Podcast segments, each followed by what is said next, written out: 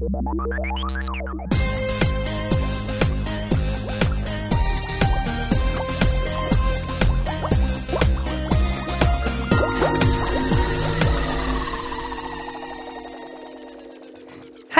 og velkommen til neste episode av Rosa begerglass. I dag har vi nok et spennende tema, og det er aromater.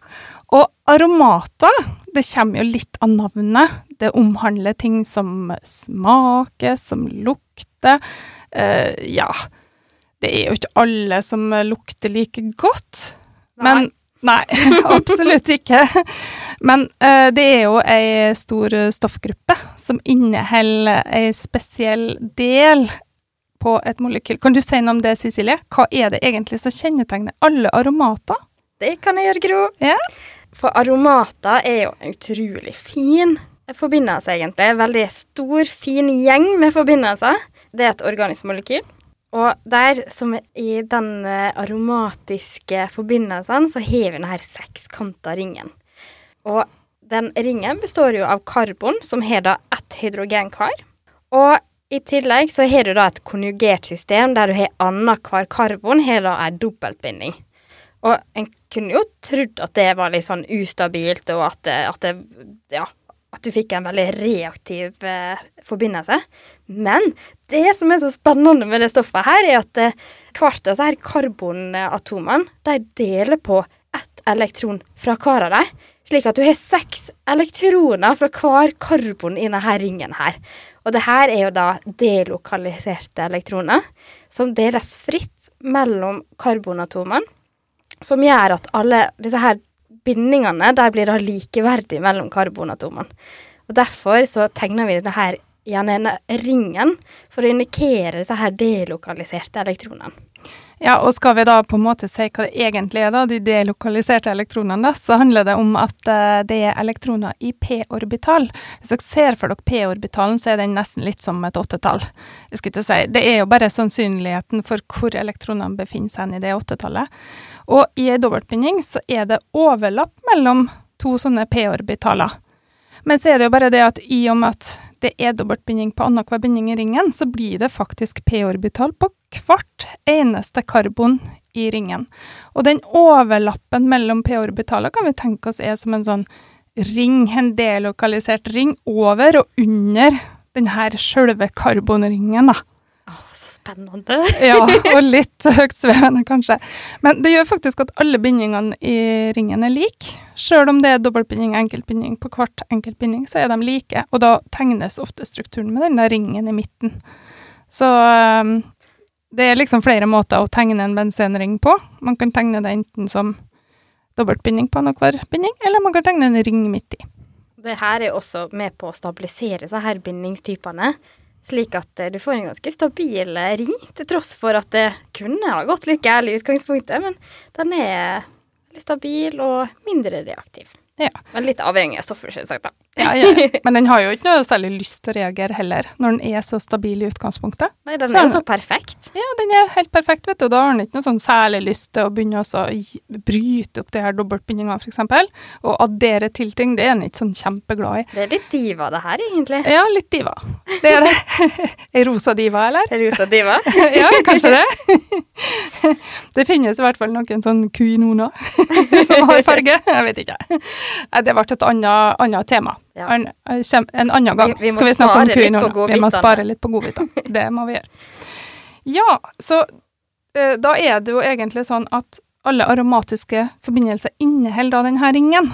Men det gjør jo at det finnes jo 18 forskjellige aromater.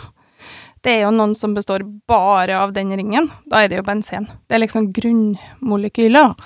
Men så kan du begynne å putte på noen substituenter, eller du kan forgreine det, lage store, komplekse molekyl. Så det er egentlig ei kjempestor stoffgruppe som består av veldig mye forskjellig stoff. Det fins jo aromatiske aminosyrer, det fin- fins aromatiske alkoholer, ja, og så videre. Så det er ei kjempesvær stoffgruppe, egentlig, da.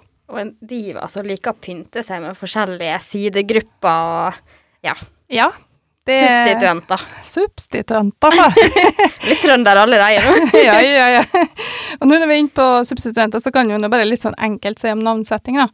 Fordi at hvis man har en sånn enkel ring, enkel bensinring, og substituenter på den, så er det sånn at hvis du har én substituent på, så er det veldig mye trivialnavn som styrer egentlig navnet. Som for eksempel hvis det er ei metylgruppe, så skulle en tro at det het metylbensin, men det gjør det faktisk ikke. Det heter toluen. Og det er trivialnavn som har på en måte blitt så innarbeidet at det er blitt hovednavnet. Hvis det er ei OO-gruppe kobla på, så er det en fenol. Da er det en alkohol. Uh, og hvis det er ei etengruppe kobla på, så er det styren.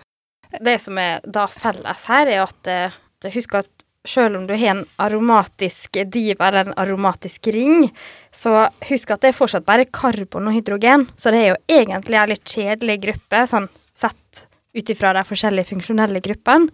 Så med en gang du får en litt mer spennende gruppe, sånn her O-gruppa, som du sier, så er det den som bestemmer hva type stoffgrupper vi har med å gjøre. Da ble det med en gang i alkoholsjangeren, og vi får da fenol. Da vil denne feen, det vil jo være eh, antydninga til denne ringen. Da får vi fenyl, alkylgruppa, og så ol på grunn av OH-gruppa. Ja. Så det er jo sånn Hvis man har én substituent, så må man nesten bare sjekke opp om det her er trivialnavn man skal bruke. Eller hvis det sitter på en sånn enkel halogensubstituent, f.eks. klor, så blir det klorbenzen.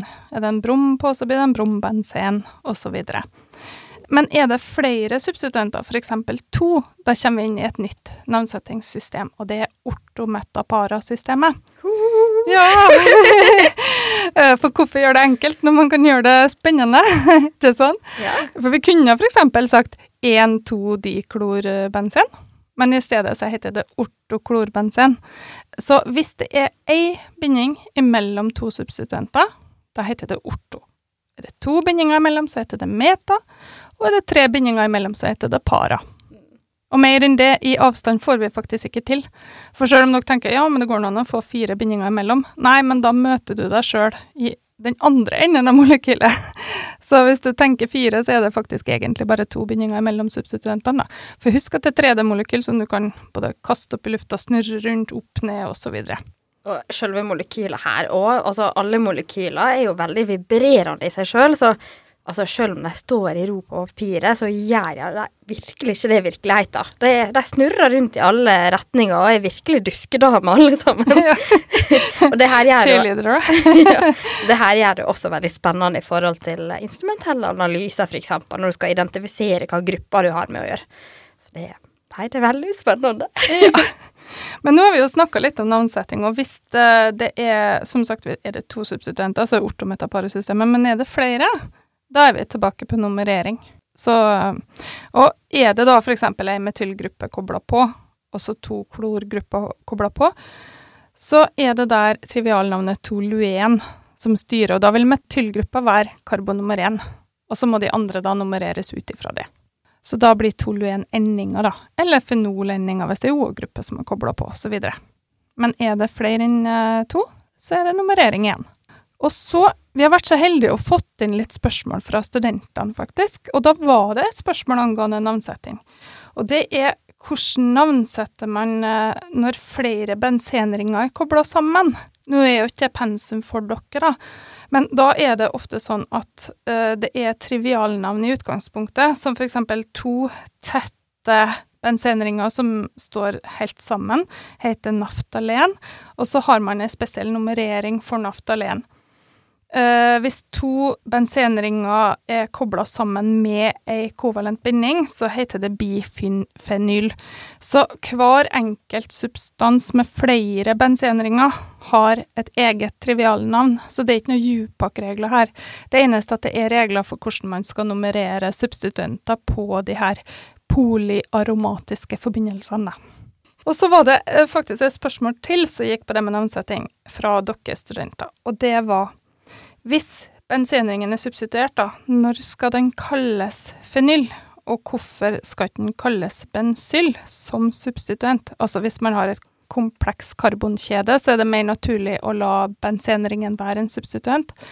Hvis bensenringen er direkte kobla på karbonkjeden, da heter den fenyl. Men hvis bensenringen er kobla via et karbon ned til denne karbonkjeden. Altså at det er et karbonatom imellom bensenringen og karbonkjeden. Da heter den bensyl. Og det skjønner jeg kan være litt forvirrende. Men tenk på bensyl som en toluen-substituent, på en måte. Altså tenk dere toluen, det er en bensenring med metylgruppe. Og hvis den er substituent, da heter den bensyl. Mens en bensenring heter fenyl. Cecilie, vi var ikke med og bestemte reglene her, altså. Nei. Kunne ikke bare vært bensyl i stedet for fenyl, da? ja, det, det, er veldig masse forslag vi egentlig har til en del navnsettingsregler, ja. som hadde gjort det mye enklere. Det har vært veldig mye enklere å skjønne. Altså bensin, bensyl. Mm. Så kanskje vi skal bare, ja, prøve å komme oss inn i Upak-systemet og få, få, inn litt nye regler. Jeg tror det. det her tror jeg må være noen gamle regler for noen som satt og tenkte at joho, jeg må sette mitt preg på det her, og da må det være så vanskelig at det kun bare de oppvakte som forstår det. Ja, det her var meget lurt. Mm. I hermetegn. I store hermetegn. ja. Uh, vi skal si litt grann om reaksjoner til aromater også. Og da er det jo én reaksjonstype sånn i hovedsak vi skal konsentrere oss om, og det er elektrofil aromatisk substitusjon. Man må ha tunga beint i munnen for å si det her. Eh, og jeg tenkte jeg kan gå gjennom de her reaksjonene nå, før vi begynner å snakke litt om biologiske eksempel på uh, aromater. Og um, en elektrofil aromatisk substitusjon hun Cecilie hun har egentlig så god forklaring på hva en substitusjon er, sånn at dere aldri glemmer det. Jeg lover dere. Så vær så god, Cecilie, kom igjen. Ja. Eh, min huskeregel, da, det er tenk på substitusjon. Det begynner jo på S. Men det gjør jo også sving. Så hvis dere tenker på svingeparty, så kan jo dere tenke på substitusjonsreaksjonene. For det er jo nettopp det som skjer. Du, du får Du har to stoffer, og så bytter de rett og slett partner i denne svingen her. Så det er en svingeparty, rett og slett. Huff a meg. Ja ja. Nå har dere fått ei god forklaring på hva substitusjon er. Dere bytter rett og slett en substituent med noe annet. Ja. ja. Bytte partner. Bytte partner. Og hvorfor er det her egentlig noe vi trenger å tenke så veldig mye på?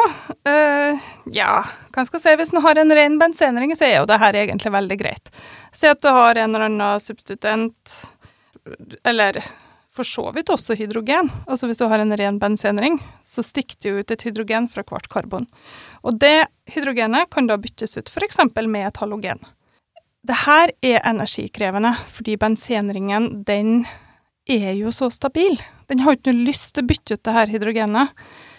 Men hvis man tilfører nok energi, og man har en katalysator som initierer reaksjon, så kan det hydrogenet gå ut, og f.eks. klor eller brom eller jod fester seg på bensenringen. Det som skjer da, det er at produktet har lavere energi enn bensen hadde i utgangspunktet. Da kan ringen gå med på det. Det er eneste gangene den går med på det. Det er hvis at produktet har lavere energi enn det hadde i utgangspunktet. Så den er veldig tøff i forhandlingene sine, egentlig? Veldig. Og den krever å beholde alle dobbeltbindingene. Så de tre dobbeltbindingene som er inni ringen, den skal han beholde. Så hvis reaksjonen gjør at én av dobbeltbindingene brytes opp, ja nei da, glem det. Det er en familie, altså. Den, går, den den vil ikke gi slipp på noen familiemedlemmer her, altså? Nei, den holder knallhardt på de her dobbeltbindingene sine. Så den, eh, den vil den ha. Det er for så vidt greit nok når vi bare bytter ut et hydrogen med et annet stoff. Men hvis vi har en substituent som er kobla på ringen fra før, det er da det gøye starter. For da er ikke vilkårlig hvor de ulike substituentene blir kobla på. Vi har noe som heter ringaktiverende substituenter. Det er nesten som øh, Nå gikk tunga nesten i krøll her. Vi har det som heter orto, paradirigerende gruppe, og metadirigerende gruppe. Huh. Og hva er da dette her for noe slag? Tenk dere f.eks. at dere har ei metylgruppe kobla på ringen. Og for at dere da skal få bytta ut et hydrogen med ei anna gruppe, så må jo da nødvendigvis den dobbeltbindinga på den ene plasseringa i ringen brytes opp for at det her stoffet skal kunne feste seg på, og så gjendannes dobbeltbindinga. For som sagt, ringen godtar ikke å miste noen dobbeltbindinger i sluttproduktet. Og akkurat idet den bryter opp dobbeltbindinga for å feste på noen ting, så blir det danna et karbokation. Så det dere egentlig må gjøre, det er at dere må tenke dere OK, hvis jeg bryter opp bindinga her, hvor blir det karbokationet hen da? Og hva klasse er det karbokationet? Nå var det sånn at tertiære karbokation var mest stabil, sekundære var minst stabil. Men så er det en liten faktor til, da, at det her er jo da en resonansstabilisering i tillegg, fordi den positive ladninga til karbokationet kan flytte seg i ringen, for der er jo disse dobbeltbindingene som kan brytes, gjendannes, brytes, gjendannes. Så det står liksom og tikker mellom tre ulike former. Og hvis vi får et karbokation som er tertiært på én av de tre resonansstrukturene, så er det den mest stabile formen å være på. Så hvis vi har et metyl som er kobla på, så får vi et tertiært karbokation hvis vi får ei plassering av ei sidegruppe i ortoposisjon og i paraposisjon. Men i metaposisjon så får vi bare sekundære karbokation. Det betyr at da er metylgruppa ortoparadirigerende, fordi det gir det mest stabile karbokationet. Men så er det ikke så enkelt som det bestandig, fordi hvis gruppa som er kobla på, f.eks. ei NO2-gruppe, den har ei positiv ladning, og hvis du da får karbokation på det karbonet som har denne NO2-gruppa, så får du to positive ladninger mot hverandre. Og det er skikkelig ustabilt, så da bare freser den den der eh, positive ladninga helt vekk. Og så favoriserer den heller metaposisjon, fordi da slipper den å få det her karbokationet som er tertiært, som er veldig nært den gruppa som har en positiv ladning fra før. Så det man har kobla på, bestemmer om det blir ortoparadirigering eller metadirigering. Så alt handler om stabiliteten til karbokationet. Hvis det ikke er noe positiv ladning på gruppa som er kobla på, da kan dere tenke at OK, da er det mest stabilt å ha den formen som gir et tertiært karbokation. Men hvis gruppa som er kobla på, har en positiv ladning, da støter den vekk det her tertiære karbokationet og heller prioriterer meta. Oi, det skulle jeg ha tegna i stand, altså. Jeg håper dere hang sånn delvis med, i hvert fall. Altså, Jeg er villig til å stå og dramatisere det her for deg, med, med para og meta og orto, men eh, ja Jeg syns du var veldig søt. Du, du hadde virkelig kunnet gjort deg så chili det, Cecilie. Ja, sant. Jeg prøver å peive med armene vet du, for å vise de ulike posisjonene. Men hva vi skal se, da? Rett opp med begge hendene. Da har vi orto, og så har vi i i hvert fall hvis vi tenker at det er ei binding imellom, da. Hvis vi har de hendene rett opp, ja. da er det orto. Da er det ei binding imellom. Ja. Og så går vi litt ut til sida. Da har vi meta, og så går vi helt ned. Ja. Da har vi para. Ser dere for dere nå? Vi står her og Ja. ja, da har vi eh, snakka litt om navnsetting. Vi har snakka litt om eh, reaksjoner til aromater. Posisjoner. Posisjoner, ja. Sånn cheerleader-posisjoner. og det vi egentlig da har igjen å snakke litt om, det er hvor finner vi egentlig aromater hen? Eh, hvorfor trenger vi å kunne noe om aromater? Greit nok at det er en stabil forbindelse, men hvorfor har den fått så stor plass i organisk kjemi at den har fått et eget kapittel omhandla bare om seg sjøl? Hvor hadde vi vært, egentlig, hvis vi ikke hadde hatt disse aromatiske forbindelsene? For det første så hadde jo en del matvarer smakt ræl. og så er jo det Altså, enkelte aromatiske forbindelser er jo helt avhengig av for å ha et lykkelig liv. Som for eksempel denne lykkehormonet. Og Gro veit selvsagt hva jeg tenker på da. Oksytocin. Ja! og det her er jo et hormon, peptidhormon. Det vil si at det er proteinbasert. Det består av en rekke aminosyrer. Men så har vi jo da også en aromatisk ring som en del av det hormonet her, da. Det her kommer jo fra et gen OXT-genet. Og det her er jo et veldig viktig hormon, vil jeg si. Alt ifra Den er jo stor grad til stede i allerede fra fødselen av, til amming, til eh, kjærlighet, til antidepressive stoffer. Så det her er jo grunnen til at vi går rundt og har det kjekt og har det fint her i livet. oksytocin, folkens. Ta og, og, og sjekk det opp, for det her lykkehormonet er helt fantastisk, altså. Ja. Det trenger vi masse av. Masse kjærlighet. Det er Masse kjærlighet. Det er litt oksytocin eh, i studio. ja, det er det. Det ser den nydelige øynene dine, vet du, Cecilie. Så. ja. Ja. Og når vi snakker om søte ting, da, Gro, så kan vi også dra fram vanilin som et godt eksempel her.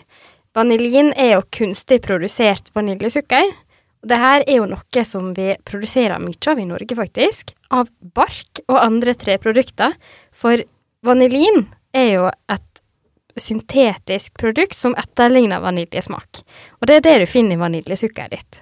Så det vaniljesukkeret du får kjøpt i butikken, det er faktisk utvunnet fra ved og fra bark. Rester fra treindustrien, rett og slett. Og blir henta ut av et stoff som heter lignin. Det er et veldig viktig rigid materiale. Altså, det er veldig stivt materiale som er med på å avstive både barken og treet, og en viktig del av støttevevet, rett og slett, i, eh, i tre. Ja, og jeg husker faktisk at når jeg var på laben når jeg var student, så skulle vi få utdelt sånn ukjent prøver og skulle gjøre masse analyser på dem og sånn, og da fikk jeg utdelt vanilin.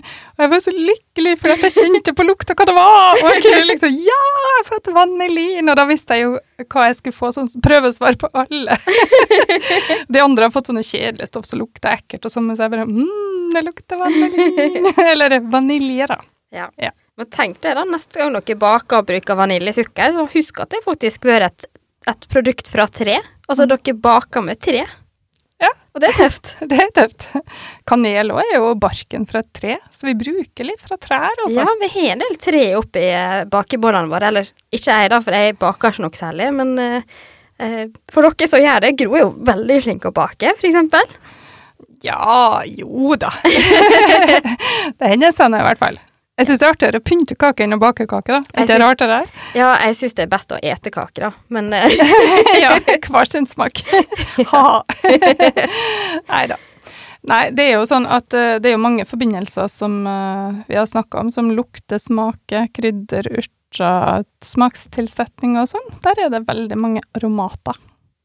Og så kan man også de, de har en sånn egen evne til å bli detektert i UV-området, disse her aromatiske aminosyrene. Så man kan eh, Altså, et protein er jo lenka sammen av aminosyrer.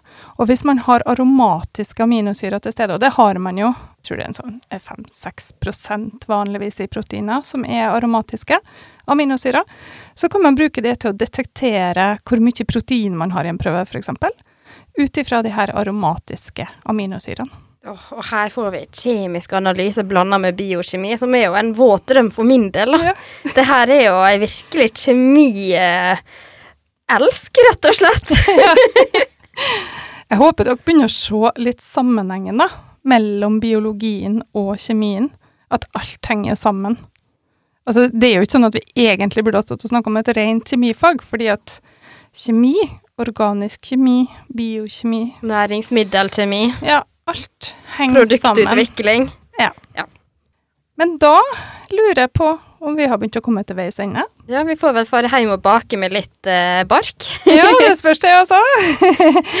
Må nesten bli eh, kanelsnurrer, det da, kanskje. Ja. Så vi får med litt sånn eh, kanelbark, og så kan vi ha litt vaniljesukker i deigen, og sånn, så kan vi tenke på at nå spiser jeg faktisk litt av et tre. Foreslår at du baker, så kommer jeg på besøk og spiser. Oh. ja. Nei, men takk for at du følger oss. Håper det at det her har vært litt sånn informativt om hva aromat er. Ja. Det er ikke skumle stoffer, det er virkelig stoffer som du har stor nytte av i hverdagen, og som du helt sikkert kommer til å jobbe med i en eller annen form. Ja. Så takk for i dag. Takk for i dag. Ha det. Ha det bra.